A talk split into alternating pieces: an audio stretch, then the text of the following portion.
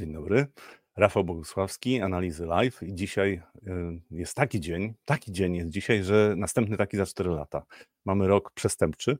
E, przestępczy, tak. E, no to od polityków się uczę. Jeżeli może być, jeżeli może być Hatakumba, tak, jeżeli może być Krużganek Oświaty, to dlaczego nie może być rok przestępczy? Natomiast no, 29 lutego, czwartek, za 4 lata, kolejny 29 lutego i dzisiaj faktycznie może na rynkach być tak, że zdziwimy się, ponieważ dane, jeżeli daną inflację Stanów Zjednoczonych mogą spowodować, że ten dzień może być zapamiętany na dłużej. To pokażę na wykresach. Dzisiaj też o tym, co Amerykanie wymyślili. Oczywiście amerykańscy politycy, tam jest shutdown, czyli zamknięcie związane z tym y, rządu, związane z tym, że politycy nie mogą y, porozumieć się w kwestii uchwalenia ustaw budżetowych. Powinni to zrobić do 31 września. I najlepsze jest to, że teraz przesunęli, właśnie osiągnęli częściowe porozumienie, do, część problemów rozwiązali tylko do 23 marca, część rozwiązali do y, sierpnia, a część rozwiązali do września, więc y, zanim w pełni, y, tak myślę, zanim w pełni rozwiążą ten problem, to będzie następny rok budżetowy. I to jest pewna optymistyczna informacja, jeżeli chodzi o działania polityków amerykańskich, bo okazuje się, że są e, równie skuteczni jak polscy politycy w wielu obszarach. Dzisiaj o tej inflacji, czyli tak naprawdę ulubionej, e, ulubionym sposobie mierzenia inflacji przez Fed, e, Personal Consumption Expenditures Price Index, tak pełna nazwa tego. Dzisiaj będzie odczyt, myślę, to rynek może zareagować na to dość nerwowo, w związku z tym, co się wydarzyło też w ostatnim czasie na rynkach. E, kolejna rzecz to jest kwestia ropy naftowej i też o złocie wspomnę, bo te oba, oba te surowce e, zachowują się dość specyficznie i warto zwrócić na to uwagę. E, podobnie są też, jeżeli patrzymy na pary walutowe, niektóre to też są ciekawe rzeczy tutaj się dzieją. Tematów jeszcze kilka, oczywiście dotyczących między innymi stóp procentowych, no i ten najważniejszy, czyli dlaczego amerykańska gospodarka nie wchodzi w recesję. Napisałem taki artykuł, na podstawie tego artykułu, ale również artykułów z Bloomberga. Chcę pokazać kilka argumentów za tym, że jeszcze nic straconego, jeżeli chodzi o recesję w Stanach Zjednoczonych, natomiast ta recesja wcale nie jest nieunikniona. Więc zaczynamy i jak zwykle na początek będę, prosi, będę zapraszał na przegląd rynków.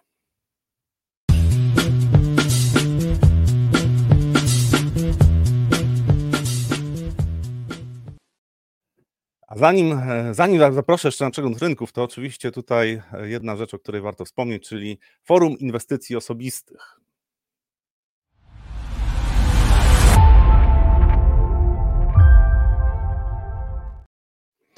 Już 5 marca, 10 rano, zaczynamy Forum Inwestycji Osobistych. Jeżeli popatrzymy na program, to naprawdę jest sporo ciekawych rzeczy. Już tylko 5 dni zostało, jedna godzina do rozpoczęcia, no jedna godzina 16 minut do rozpoczęcia konferencji. E, dużo ciekawych tematów, dużo ciekawych gości, o obligacjach skarbowych w portfelu, jak zacząć inwestować i co można z tego mieć, czyli ile trzeba mieć, żeby ryzykować, w razie się straci. Nie, to, to, jest inny, to jest inny program. E, natomiast e, RITy, to też y, jak można inwestować i czy to ma sens w obecnej sytuacji, jeżeli mówimy o mm, polskich nieruchomościach. Kobiety i finanse, czy korporaty dadzą dwucyfrowe stopy zwrotu, oczywiście mowa o tym roku. Najpopularniejsze ETF-y i tutaj miłość do gotówki. Hmm. PPK na fali, rozdanie nagród, czyli dla najlepszych zarządzających, no i oczywiście jeszcze akcje, gdzie i jak inwestować, żeby zarobić. to jest tej części, która będzie części online. Natomiast e, ja będę o 16, cały na biało, jak często to Robert powtarza. Cykl koniunkturalny w inwestycjach będzie prezentacja, która będzie dostępna mm, wyłącznie dla osób, które pojawią się na tym spotkaniu. E, koszt 49 zł. No i ja będę tutaj e, tłumaczył, opowiadał o tym, co tak naprawdę jest istotnego z punktu widzenia obecnej sytuacji, przede wszystkim obecnej sytuacji e, z punktu widzenia cykli gospodarczych, koniunkturalnych, bo ta sytuacja nie jest e, taka przeciętna. W związku z tym, co politycy wymyślili w 2020, 2020 roku, to jeszcze trochę czasu nam zajmie, zanim wrócimy tak naprawdę do pełnej normalności. A na tą konferencję zapraszam nie tylko ja.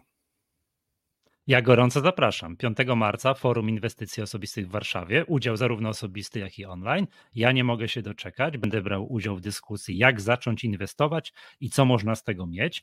Wiem, tutaj będzie dyskusję poprowadzi Kasia Sekścińska, a także będę wezmą udział oprócz mnie przedstawiciele funduszy inwestycyjnych Tomek Matras oraz Tomek Korab. Już nie mogę się doczekać, jak się z nimi pokłócę. Znacie moje podejście do inwestowania poprzez fundusze inwestycyjne. Tym bardziej ufam, że dyskusja będzie ciekawa, dynamiczna. Fajnie, jakbyście byli na miejscu, razem przybijemy piątkę, a jak nie możecie, to online jak najbardziej, za darmo, 5 marca. Zapraszam. Ale biorąc pod uwagę te Twoje zapowiedzi, ja głęboko wierzę, że są jednak jakieś punkty wspólne, jeżeli chodzi o początek inwestowania, bo to będzie rozmowa hmm. o początkach inwestowania. Trzeba tutaj zacytować chyba, już nie wiem kto to powiedział, chyba John Bogle, że największym błędem w inwestowaniu jest nieinwestowanie, więc każda metoda inwestowania, jakakolwiek, jest lepsza od tego, jak siedzimy, patrzymy się i nic nie robimy. Zdecydowanie trzeba się wziąć. Tak? to inwestowanie jest yy, no, całe opakowane w tak dużo mitów, które powstrzymują zwykłe osoby przed inwestowaniem, że po prostu ludzie się boją. Nie, to trzeba odczarować. Inwestowanie jest prostsze niż się wydaje, trzeba się po prostu wziąć i zacząć inwestować.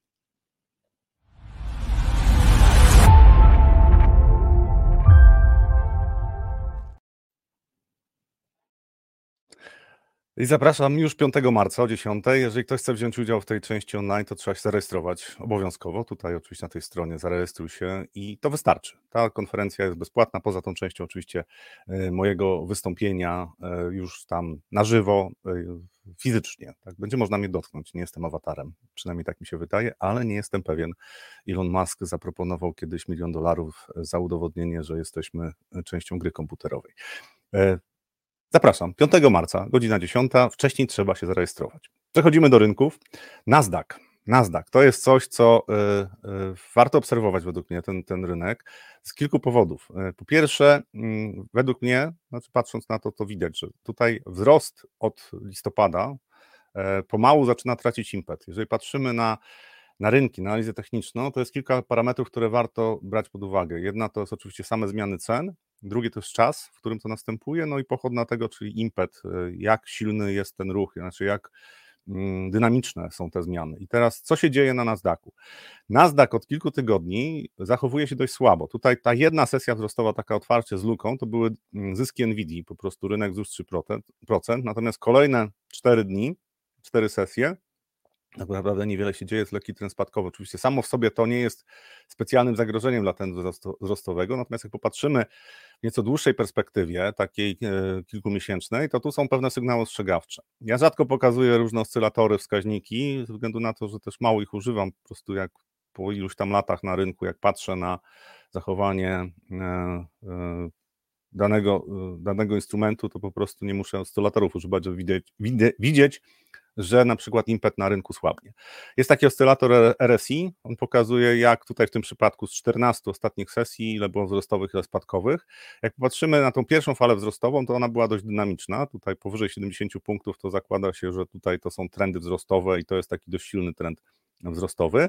E, natomiast jak popatrzymy od początku tego roku, to kolejne te fale wzrostowe one mają, ten oscylator jest coraz niżej. To jest jedna, jeden sygnał, że rynek y, nie ma aż takiego impetu, jak miał tutaj. Tutaj ta dynamika była dużo większa. I teraz patrząc z perspektywy tego, co się, co się wydarzyło wcześniej e, na tym rynku, też jak się zmieniło nastawienie inwestorów. Tutaj był pełen pesymizm. Tutaj to w ogóle to kolejna fala bez, oczywiście tutaj była pułapka, tak, ten spadki poniżej tych 13 tysięcy punktów to jest nazwa kompozytowy. Było odebrane, że to jest kolej, rozpoczęcie kolejnej fali spadkowej. Ja wtedy mówiłem, że śmiem wątpić, czy to jest rozpoczęcie kolejnej fali spadkowej. Okazało się, to był idealny moment, żeby e, uzupełnić na przykład e, w portfelu spółki technologiczne. I teraz te ostatnie tygodnie pokazują, że tutaj zaczyna, zaczyna brakować energii. I to jest pochodna oczywiście z e, tego, co się dzieje, co się dzieje na rynku dużych spółek technologicznych. I pytanie oczywiście, czy to nie zamieni się w konsolidację i nastąpi kolejna faza wzrostowa. Bo tu podobnie jak samochodem, jeżeli e, zaczynamy zwalniać, no to jeżeli nie dodamy gazu, to będziemy hamowali, w końcu się zatrzymamy. Tutaj, jeżeli nic nowego się nie pojawi, mm, jeżeli chodzi o napływ kapitału ze strony inwestorów, to pewnie wyhamujemy i pojawi się jakaś korekta. Natomiast e, jeżeli e, inwestorzy wpadną w panikę kupowania, no to po prostu możliwe jest przyspieszenie. Natomiast bardziej prawdopodobny jest scenariusz taki, że jednak tutaj pojawi się korekta. Dlaczego y, to jest bardziej prawdopodobne? No właśnie dlatego, że zaczyna brakować napędu, zwłaszcza jeżeli patrzymy na duże spółki amerykańskie big techy, to one zachowują się dość słabo. To jest kontrakt na SP500. Tutaj dzisiejszy dzień jest bardziej optymistyczny, tam wzrosty 0,3% były 0,4% nawet.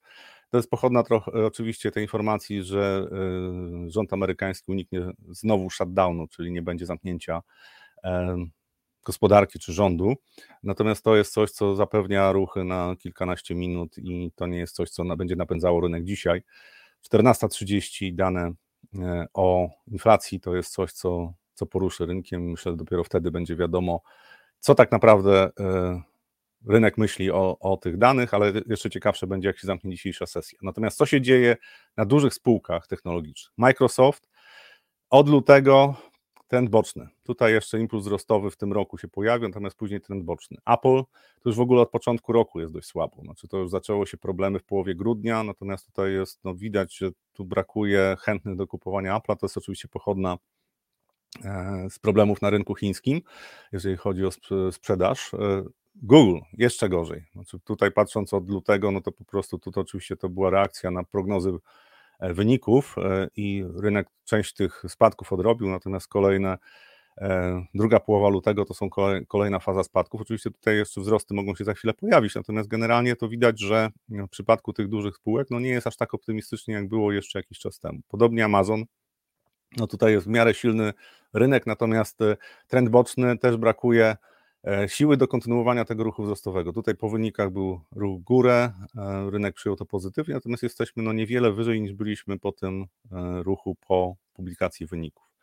I to są y, Tesla jeszcze, tak? Tesla to jest też tutaj oczywiście odrabiała straty po tych słabych prognozach, to też reakcja na wyniki tutaj miała miejsce, natomiast po tych y, słabych wynikach odrabiała straty, natomiast ten ruch wzrostowy no nie jest zbyt dynamiczny. To raczej wskazuje, jak popatrzymy też z dłuższej perspektywy, że mamy taki trend, bocz, trend spadkowy z silnymi ruchami w górę, taki kanał spadkowy. Natomiast pytanie oczywiście, co w najbliższym czasie się wydarzy z tą spółką. Dlaczego o tych dużych spółkach mówię? Dlatego, że ważą w indeksie.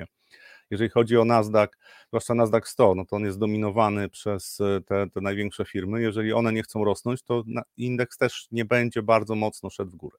Czy tak będzie? Tak jak mówię, to jeżeli chodzi o analizę techniczną, to nie jest tak, że te sygnały, o których teraz mówię, gwarantują, że na 100% nastąpią spadki, natomiast jest to coś, co warto brać pod uwagę, jak ktoś chciałby dzisiaj e, kupować e, akcje spółek technologicznych, że ryzyka e, są nieco większe niż były na przykład jeszcze dwa miesiące temu, na przykład w grudniu. Tak?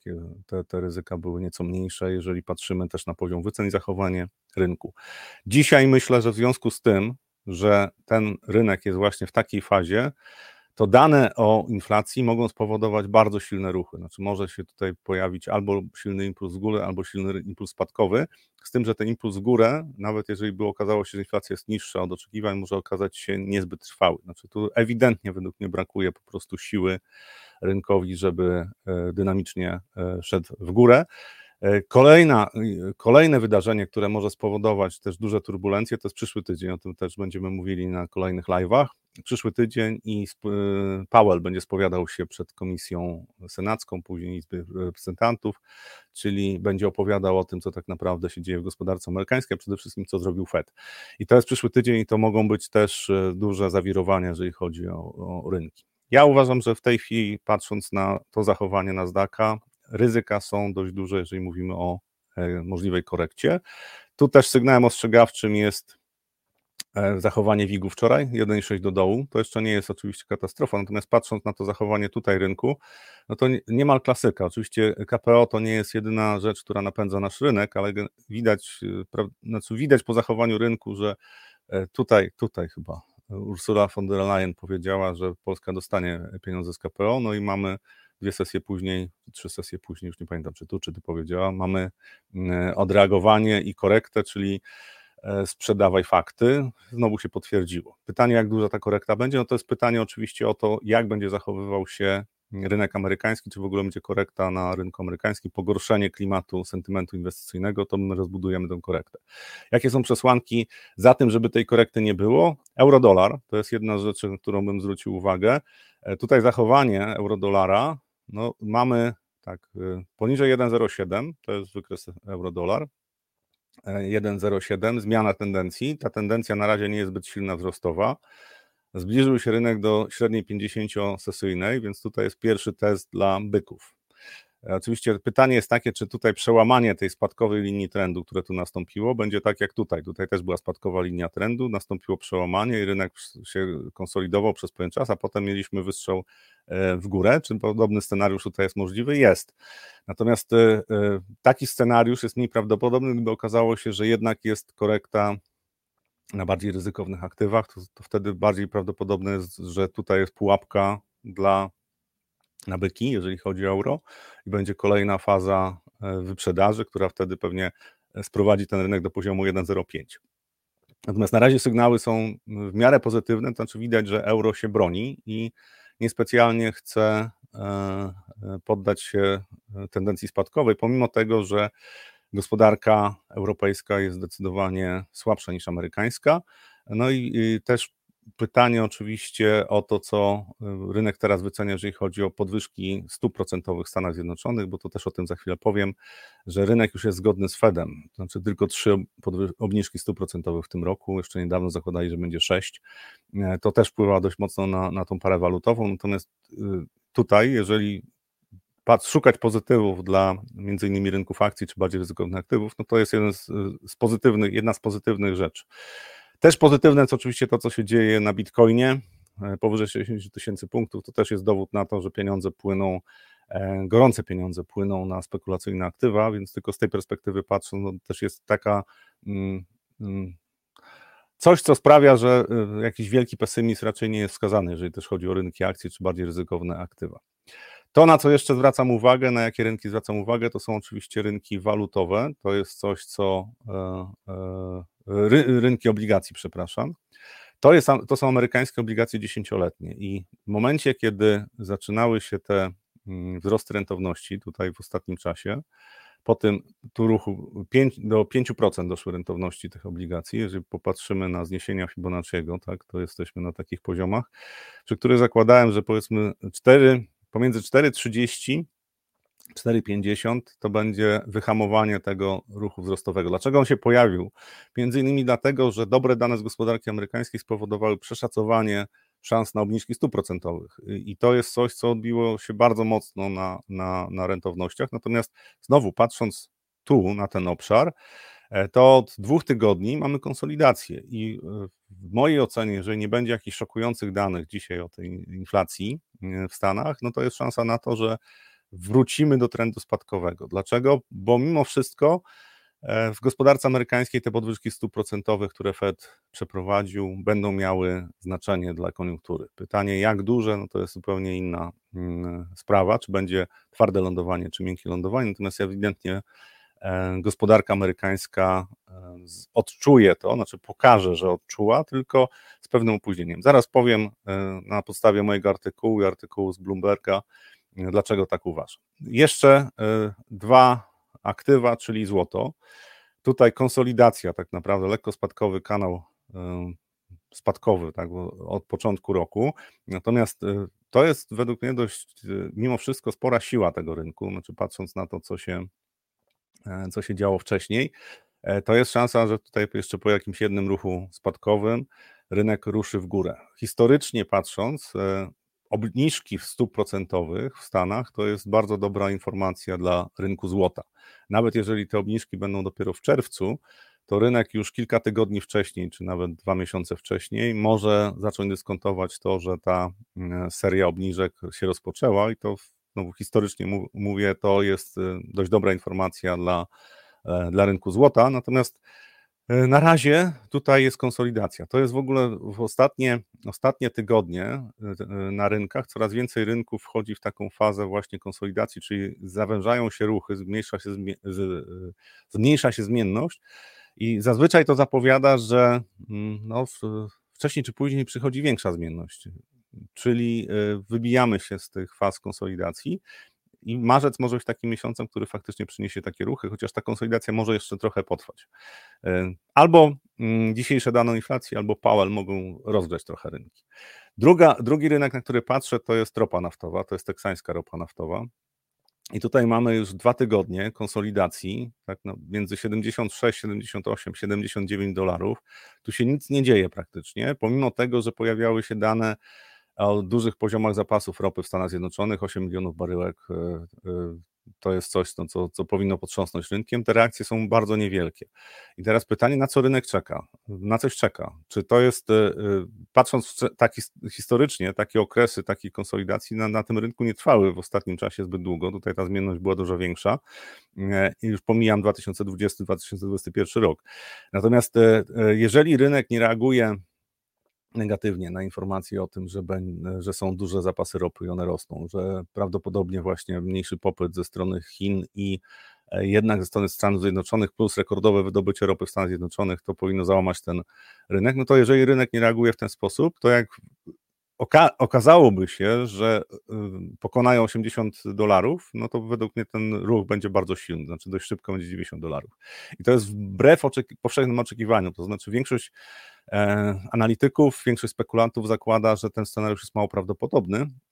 Im oni, Im oni uważają, że jest mniej prawdopodobny, tym według mnie jest bardziej prawdopodobne, że to się może wydarzyć. Więc to jest kolejny rynek, który obserwuję, to oczywiście wzrost cen ropy naftowej Zatem wzrost cen benzyny w Stanach Zjednoczonych to jest coś, co może e, pokrzyżować e, plany Fedowi, to znaczy wtedy inflacja, która i tak według mnie będzie odbijała w najbliższych miesiącach, i tak może się okazać, że mm, będzie odbijała szybciej. I to jest, e, to będzie wyzwanie wtedy dla, dla Powella, co z tym fantem zrobić. To jeżeli chodzi o rynki, to chyba najważniejsze rzeczy, jeszcze bym popatrzył na Chiny, to jest Szanghaj. No i tutaj mamy ostatnie dni, to jest spora zmienność. Tutaj ten ruch wzrostowy e, bardzo dynamiczny, wspierany trochę przez rząd, natomiast ostatnie dni pokazują, że rynek już e, trochę się zaczyna obawiać tych wzrostów, natomiast cały czas tam pojawiają się kolejne informacje, które podtrzymują e, próby podtrzymania tego trendu wzrostowego, więc ciekawy rynek, ja inwestycyjnie praktycznie już nie, nie analizuję tego, bardziej mnie interesuje przez pryzmat tego, co się może dziać w gospodarce amerykańskiej, y, chińskiej, e, ponieważ no, inwestycyjnie tutaj ryzyka są tak duże, że nawet jeżeli ten rynek miałby rosnąć 20-30%, to uważam, że można znaleźć inne, inne rynki. E, to tyle, jeżeli chodzi o wykresy, natomiast co e, z tych rzeczy, które są ważne? Zacznijmy od dzisiaj, 14.30 naszego czasu te, dwa, te, dwie, te dwa odczyty, czyli inflacja bazowa, PCE i, i e, inflacja, e, no zwykła, tak, PCE, e, ten indeks rok do roku. Tutaj ma być spadek z 2,6 na 2,4, tu z 2,9 na 2,8. Czyli ta inflacja tutaj już dość nisko, tak, to blisko, mm, no zbliżamy się do celu inflacyjnego Fedu.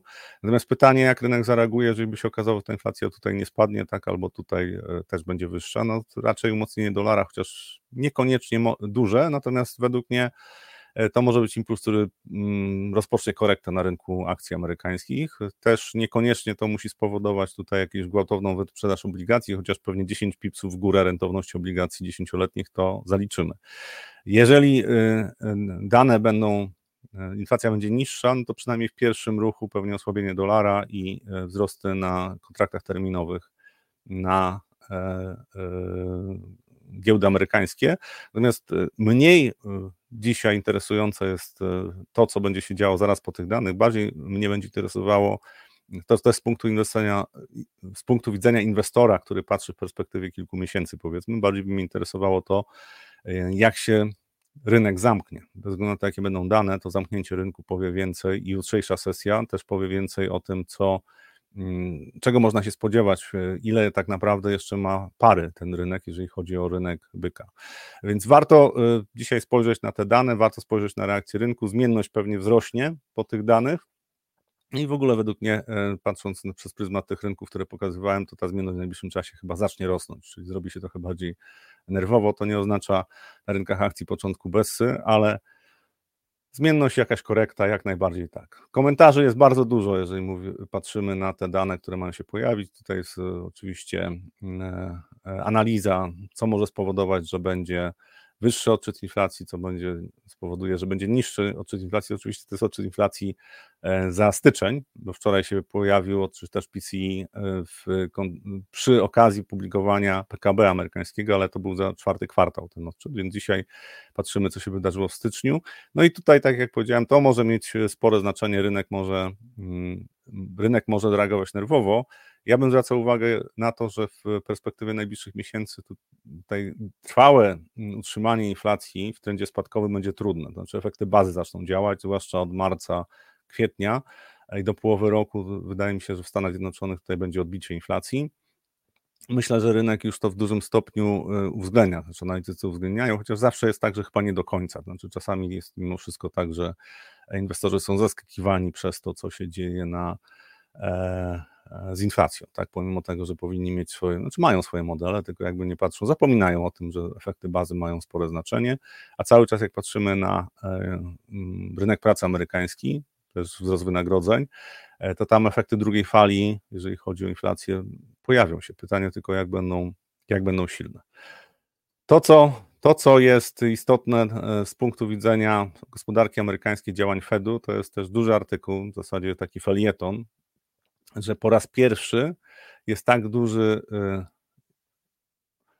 y, duża różnica pomiędzy tym, jak reaguje e, ekonomia, e, a jak y, zachowuje się Fed. Znaczy, tu jest uzasadnienie też analiza, dlaczego takie, e, takie zachowanie rynku nastąpiło, że tak naprawdę zaostrzenie polityki monetarnej wcale nie spowodowało recesji, znaczy to spowolnienie gospodarcze jest ledwo zauważalne. No i tu jest oczywiście trzy punkty, tak, o których ja nie wspominam w swoim artykule, zaraz o moim artykule powiem. E, wzrost e, ilości pieniądza w gospodarce to jest jedno, to jest pochodna w dużym stopniu też e, działania rządu amerykańskiego, czyli stymulacja fiskalna. To jest bardzo ważny punkt, czyli koszty obsługi długu dla firm amerykańskich, one jeszcze nie wzrosły, tak szybko, jakby można było się spodziewać po skali podwyżek, ale to wynika z tempa tych podwyżek i tego, że firmy były w stanie w 2020-2021 roku e, mm, sprzedać obligacje i mają jeszcze, jeszcze, mają jeszcze ten bufor związany z tym, że obsługują e, obligacje, które były tanie. Zresztą też kredyty, które biorą amerykańskie firmy, znacznie częściej są na stałej stopie procentowej niż y, w Polsce. Znaczy w Polsce zmienna stopa procentowa dominuje.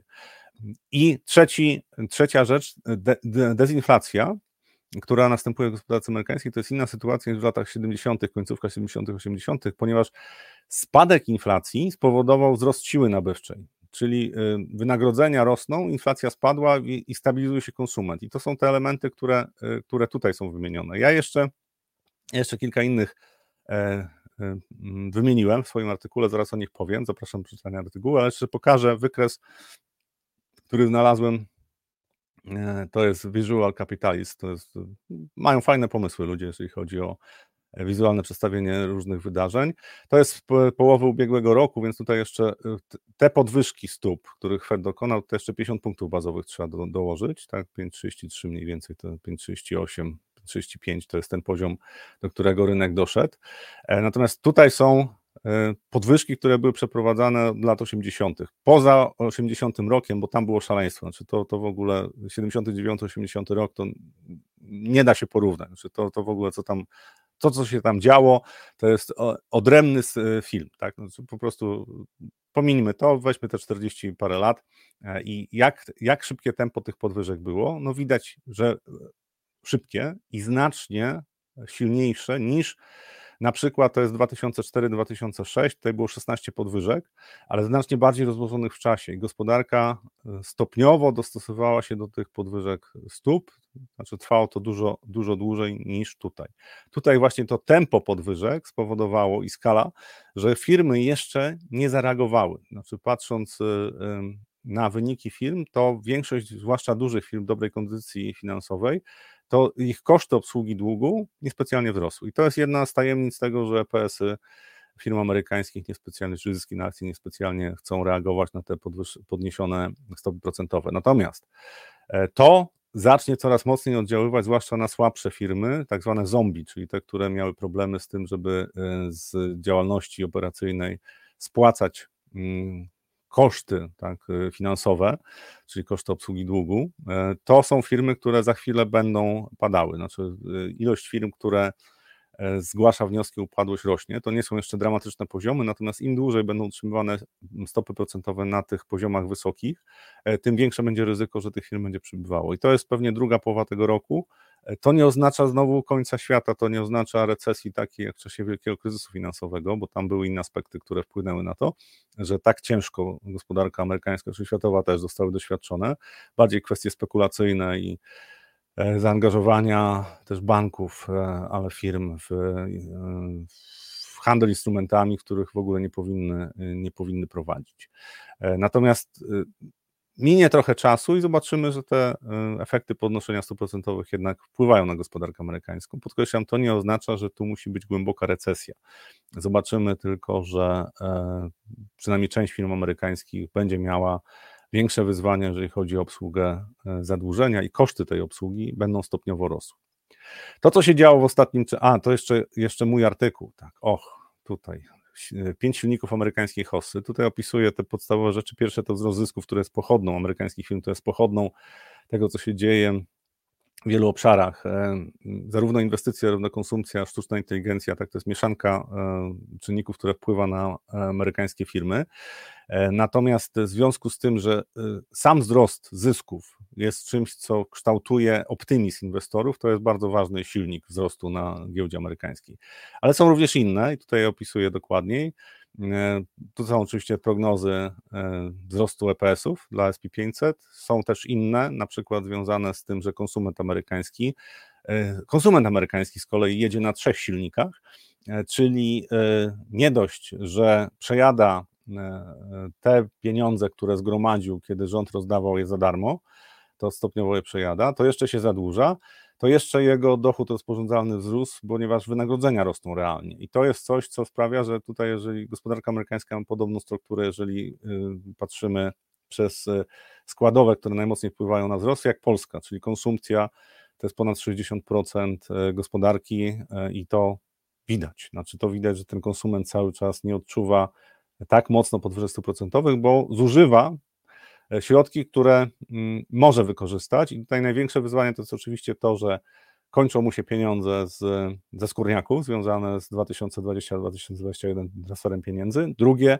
że nie może się w nieskończoność e, e, zadłużać, jeżeli chodzi chociażby o karty kredytowe, czy w ogóle poziom długu. Ale z drugiej strony ten poziom zadłużenia gospodarstw domowych nadal nie jest tak duży. Gospodarstwa domowe zdelewarowały się w porównaniu z tym, co było na przykład w 2008 roku, więc e, tutaj no, to nie oznacza znowu spowolnienie gospodarcze, nie oznacza jakiejś wielkiej katastrofy.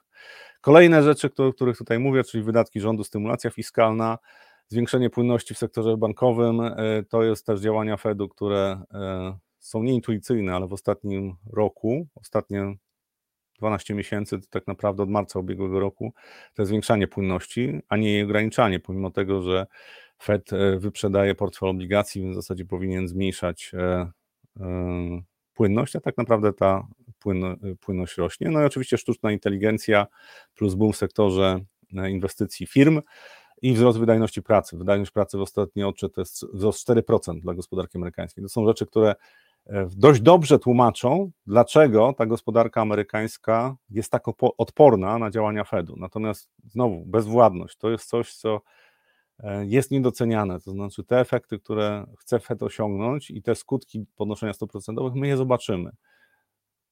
Zakładam, że w połowie roku będziemy je widzieli. Tylko znowu, to nie oznacza, że to musi być głęboka recesja.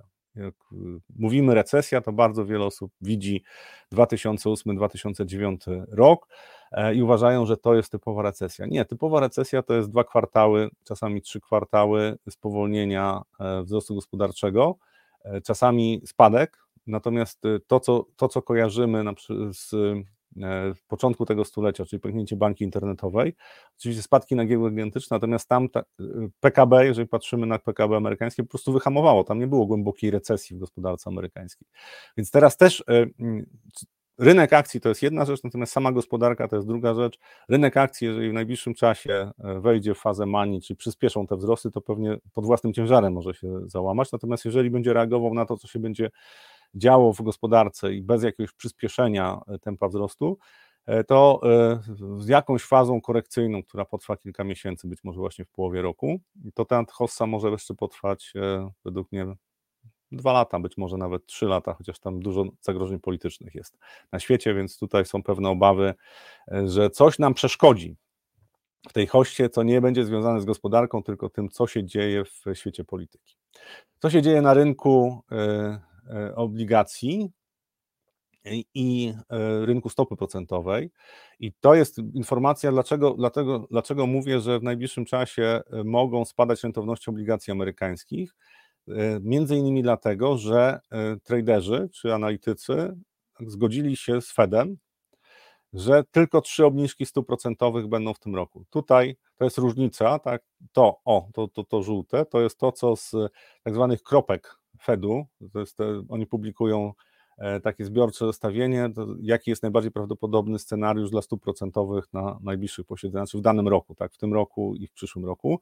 No i Fed zakładał, że w tym roku będą trzy obniżki, czyli 75 punktów bazowych. Rynek był taki moment, że już nawet mówił w styczniu 200 punktów bazowych, tak, 8 obniżek stóp po 25 punktów bazowych. I od tego czasu tak, te nadzieje na takie obniżki stóp się rozwiewały, rozwiewały. Jesteśmy na tym samym poziomie, czyli rynek spodziewa się tego, co Fed. I teraz y, też w związku z tym te dane o inflacji i w ogóle to, co będzie się działo w najbliższym czasie z inflacją, i z siłą gospodarki amerykańskiej będzie przesuwało te oczekiwania, ale już w mniejszym stopniu, to znaczy Fed musiałby y, zadeklarować, że zmienia swoje nastawienie, żeby wywołać jakiś wielki wstrząs, znaczy musi powiedzieć na przykład, że nie, będą tylko dwie obniżki, albo nie, będą cztery obniżki, albo pięć obniżek. To będzie coś, co będzie przesuwało mocniej rynek, natomiast już nie będzie tego efektu właśnie doganiania e, prognoz Fedu, tylko to już zostało dyskontowane. Między innymi mm, to jest jeden z elementów właśnie tego osłabienia obligacji, czy wzrostu rentowności z ostatnich e, tygodni, że rynek przeszacowywał prawdopodobieństwo większej liczby obniżek niż zakłada Fed. Mamy teraz dolne ograniczenie 5,25, jeżeli mówimy o stopach Fedu, czyli zejdziemy do poziomu 4,50 rentowności obligacji w tym roku, tak najprawdopodobniej, z dolnym ograniczeniem. Efektywna stopa jest tam kilkanaście pipsów wyżej, tak, bo oni mają kanał. E, dolne i górne ograniczenie, jeżeli chodzi o, o stopy procentowe i e, mniej więcej po środku jest ta efektywna stopa. E, więc powiedzmy, że zejdą do poziomu tam 4,60, 4,30 na rentowności 10-letnich obligacji, zakładając, że w kolejnych w kolejnym roku będą kolejne obniżki, to dla 10-letnich obligacji zaczyna już być sensowny poziom. Ja pomijam w tej chwili e, radosną twórczość pani Jelen, czyli emisję długu w takim tempie, że to po prostu dech zapiera, bo to, to, to wpływa też na rentowności obligacji, ale generalnie tutaj znika ten, e, e, ta kwestia, która tutaj, zwłaszcza od, od stycznia, która miała miejsce, że rynek dużo bardziej optymistycznie wyceniał działania Fedu niż y, w tej chwili. I, I, to musiało znaleźć odzwierciedlenie, to jest matematyka finansowa, musiało znaleźć odzwierciedlenie w zachowaniu rentowności obligacji, to znika. Więc dalsze ruchy w górę rentowności obligacji amerykańskich prawdopodobnie będą związane z mm, założeniem na przykład, że nawet ten, e, te trzy obniżki stóp to jest za dużo, na przykład, tak? W związku z tym, że ta inflacja dzisiejsza może się okazać, że jest no, powyżej 3%. No to, to byłby szok dla rynku. Nie sądzę, żeby tak było, ale jakby tak było, no to wtedy robi się nerwowo. Na razie e, dziesięcioletnie obligacje amerykańskie wydaje się, że już odchorowały tą fazę i teraz zobaczymy, co będzie dalej. E, dane które pojawiły się w Stanach Zjednoczonych, to były w środę na temat zapasów ropy naftowej, tam 8 milionów baryłek się pojawiło, natomiast pokazywałem, że reakcje rynku w ogóle są niewielkie. I największe, największe znaczenie w tej chwili ma e, ją oczekiwania, co zrobi OPEC. Prawdopodobnie znaczy rynek zakłada, że OPEC utrzyma e, te niższe limity wydobycia, tam o 2 miliony baryłek, Pojawiały się nawet głosy, że mogą, mogą jeszcze obniżyć te limity wydobycia, ale to jest mało prawdopodobne. Znaczy, wydaje mi się, że tego nie zrobią, bo to raczej by e, Amerykanie tym zyskali, a nie oni. Więc utrzymanie tych, tego wydobycia na, tym, na, na tych poziomach w tej chwili, no to jest informacja, która jest w zasadzie neutralna na rynku. Natomiast co jest nie, nieneutralne, e, to jest po pierwsze zaburzenia, jeżeli chodzi o transport ropy naftowej, E, czyli opływanie Afryki, to ma swoje skutki, znaczy brakuje tankowców. No i druga rzecz e, to, że Stany Zjednoczone, ten popyt, jeżeli chodzi o ropę naftową, jeżeli gospodarka amerykańska by hamowała, będzie pewnie niższy niż w tej chwili inwestorzy zakładają. Natomiast e, znowu pokazywałem na wykresie, że od kilku tygodni nie mogą się zdecydować inwestorzy, w którą stronę powędrować. Jak już się decydują, to ruchy z takiej konsolidacji najczęściej potem są dość silne. I ten temat, który tylko wspomniałem, tak, nie chcę tego rozwijać, natomiast to jest y, y, y, mydlana opera, niekończąca się historia. Amerykańscy politycy doszli znowu do porozumienia, jeżeli chodzi o zamknięcie rządu, to znaczy unikają zamknięcia rządu, natomiast to będzie ciąg dalszy. W marcu pewnie ten temat się pojawiał. Rynki nie są już specjalnie to wrażliwe, znaczy zakładają inwestorzy, że, że, będzie, że będzie sytuacja, w której, w której po prostu będą kolejne, kolejne porozumienia osiągane za 5-12, e, ale za którymś razem może to się nie udać. Znaczy zamknięcie, zamknięcie e, rządu to jest, to kiedyś mm, Goldman Sachs i Bank of America wyliczali, jak długo, jeżeli potrwałoby to kilka miesięcy, to jest odbicie na PKB już liczone w dziesiątych mm, punktu procentowego, natomiast takie w 2-3 tygodnie to nie ma specjalnie znaczenia. Znaczy, jeżeli by przez pewien czas agendy rządowe nie działały, to nie ma aż takiego znaczenia. Natomiast to jest coś, co się pojawiło wczoraj, e, rynki się trochę ucieszyły, ale i tak wszyscy czekają na dzisiejsze dane 14.30. E, to na dzisiaj by było wszystko, natomiast jeszcze raz, jeszcze raz powrócę do tego tematu, który e, na początku się pojawił, czyli 5 marca. Zapraszam, jeżeli ktoś się jeszcze nie zarejestrował, Zapraszam na forum inwestycji osobistych. Y, cała konferencja online, poza tym, co się będzie działo o 16, czyli moje wystąpienie na, już tam na miejscu. Jeżeli ktoś chce wziąć tym, udział w tym wystąpieniu, 49 zł to kosztuje i y, no, można wtedy ze mną też porozmawiać y, na żywo, zresztą nie tylko ze mną. Zapraszam serdecznie na konferencję. Na dzisiaj to już wszystko. Życzę miłego dnia.